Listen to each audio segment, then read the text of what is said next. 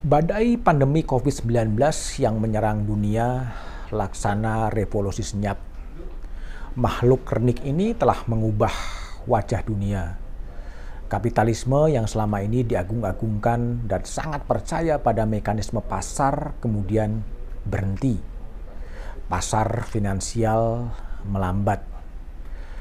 Tren penguatan negara menjadi keniscayaan. Sejumlah pihak mengundang negara untuk melakukan intervensi. Apakah ini pertanda akan ada koreksi terhadap kapitalisme? Menjadi sebuah pertanyaan besar. Revolusi senyap mengarah kepada pemenjaraan fisik dan akibatnya gelombang PHK terjadi termasuk juga di Indonesia.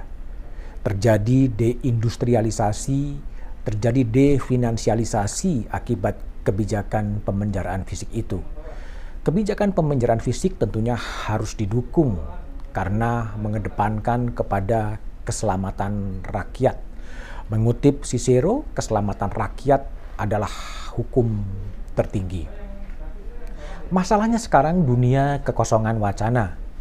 Wacana publik jejali dengan antisipasi, aksi reaksi soal badai pandemi COVID-19 termasuk juga di Indonesia.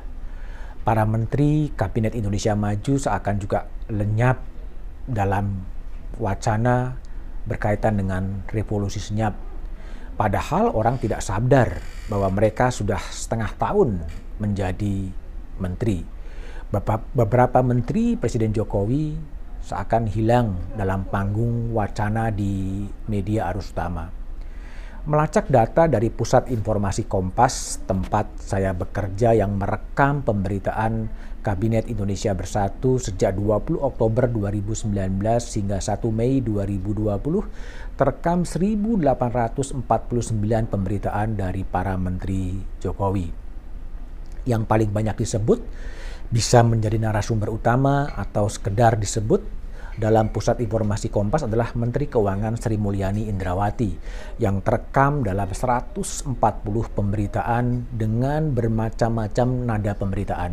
Menyusul kemudian Mendikbud Nadiem Makarim 134, Menko Politik Hukum dan HAM Mahfud MD 129, Mendagri Tito Karnavian 110, Menko Perekonomian Airlangga Hartarto 103, Menteri Kesehatan Terawan Agus Putranto 94, dan Men Menteri Luar Negeri Retno Marsudi 93. Jika diambil rata-rata, mayoritas Menteri Presiden Jokowi berada di bawah rata-rata pemberitaan menteri yang lainnya. Ada kesenjangan di sana. Menteri Sri Mulyani, bendahara negara begitu populer dengan 140 menteri, tapi ada juga menteri yang hampir tidak terekam dalam nada pemberitaan di Kompas. Ada yang hanya 14, bahkan ada yang 6 dari hampir 200 hari mereka bekerja menyusul menteri-menteri itu bisa saja memang hilang, terpah, tersapu oleh revolusi senyap. Ada yang dikatakan memang menteri itu memang belum berbuat apa-apa atau tidak bisa mengkomunikasikannya kepada kalayak. Atau memang ada juga menteri yang kemudian sekedar berbunyi, sinyalnya saling silang, kadang saling bertabrakan dan itu membuat bingung publik. Bisa saja rekaman di Kompas itu menjadi subjektif. Tapi bisa juga dibandingkan dengan bagaimana media sosial di kelola kementerian itu juga agak sedikit mengarah kepada branding. Mungkin kepala kantor staf presiden mempunyai bagaimana rekaman kinerja dan wacana yang dibuat oleh para menterinya. Kekosongan wacana inilah yang harus segera diisi. Revolusi senyap membuka mata bangsa ini Menteri BUMN Erick Thohir menyebutkan 90% alat kesehatan itu impor. Revolusinya membuka kondisi bahwa hubungan pusat daerah tidak sepenuhnya mulus. Revolusinya membuka diskursus soal ada politisasi dalam bantuan.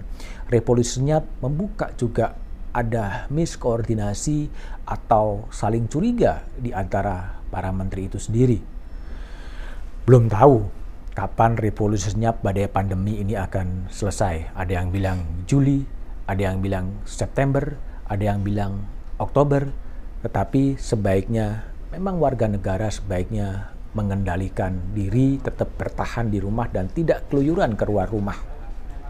Waktu bagi Presiden Jokowi tentunya tidak banyak. 2020 akan konsentrasi penuh kepada bagaimana mengatasi badai pandemi. 2021 akan memasuki recovery ekonomi atau pada semester 2 di 2020. 2022 pasti sudah masuk kepada persaingan politik di 2024. Masalahnya sekarang adalah apakah dengan performa menteri-menterinya selama enam bulan berkarya, akselerasi terhadap janji-janji kampanye itu bisa dicapai atau tidak. Politik dekonstruksi Presiden Jokowi dengan mengangkat staf milenialnya terbukti menjadi beban. Ada staf milenial kemudian disangkut pautkan dalam dugaan kong kali kong soal kartu prakerja dan lain sebagainya ini akan menjadi beban Jokowi. Sehingga jika Presiden Jokowi ingin melunasi janji-janji kampanyenya, mengevaluasi para menteri dan para pembantunya itu menjadi penting. Apakah dia bisa menjawab dan melunasi hutang-hutang kampanye atau menjadi beban.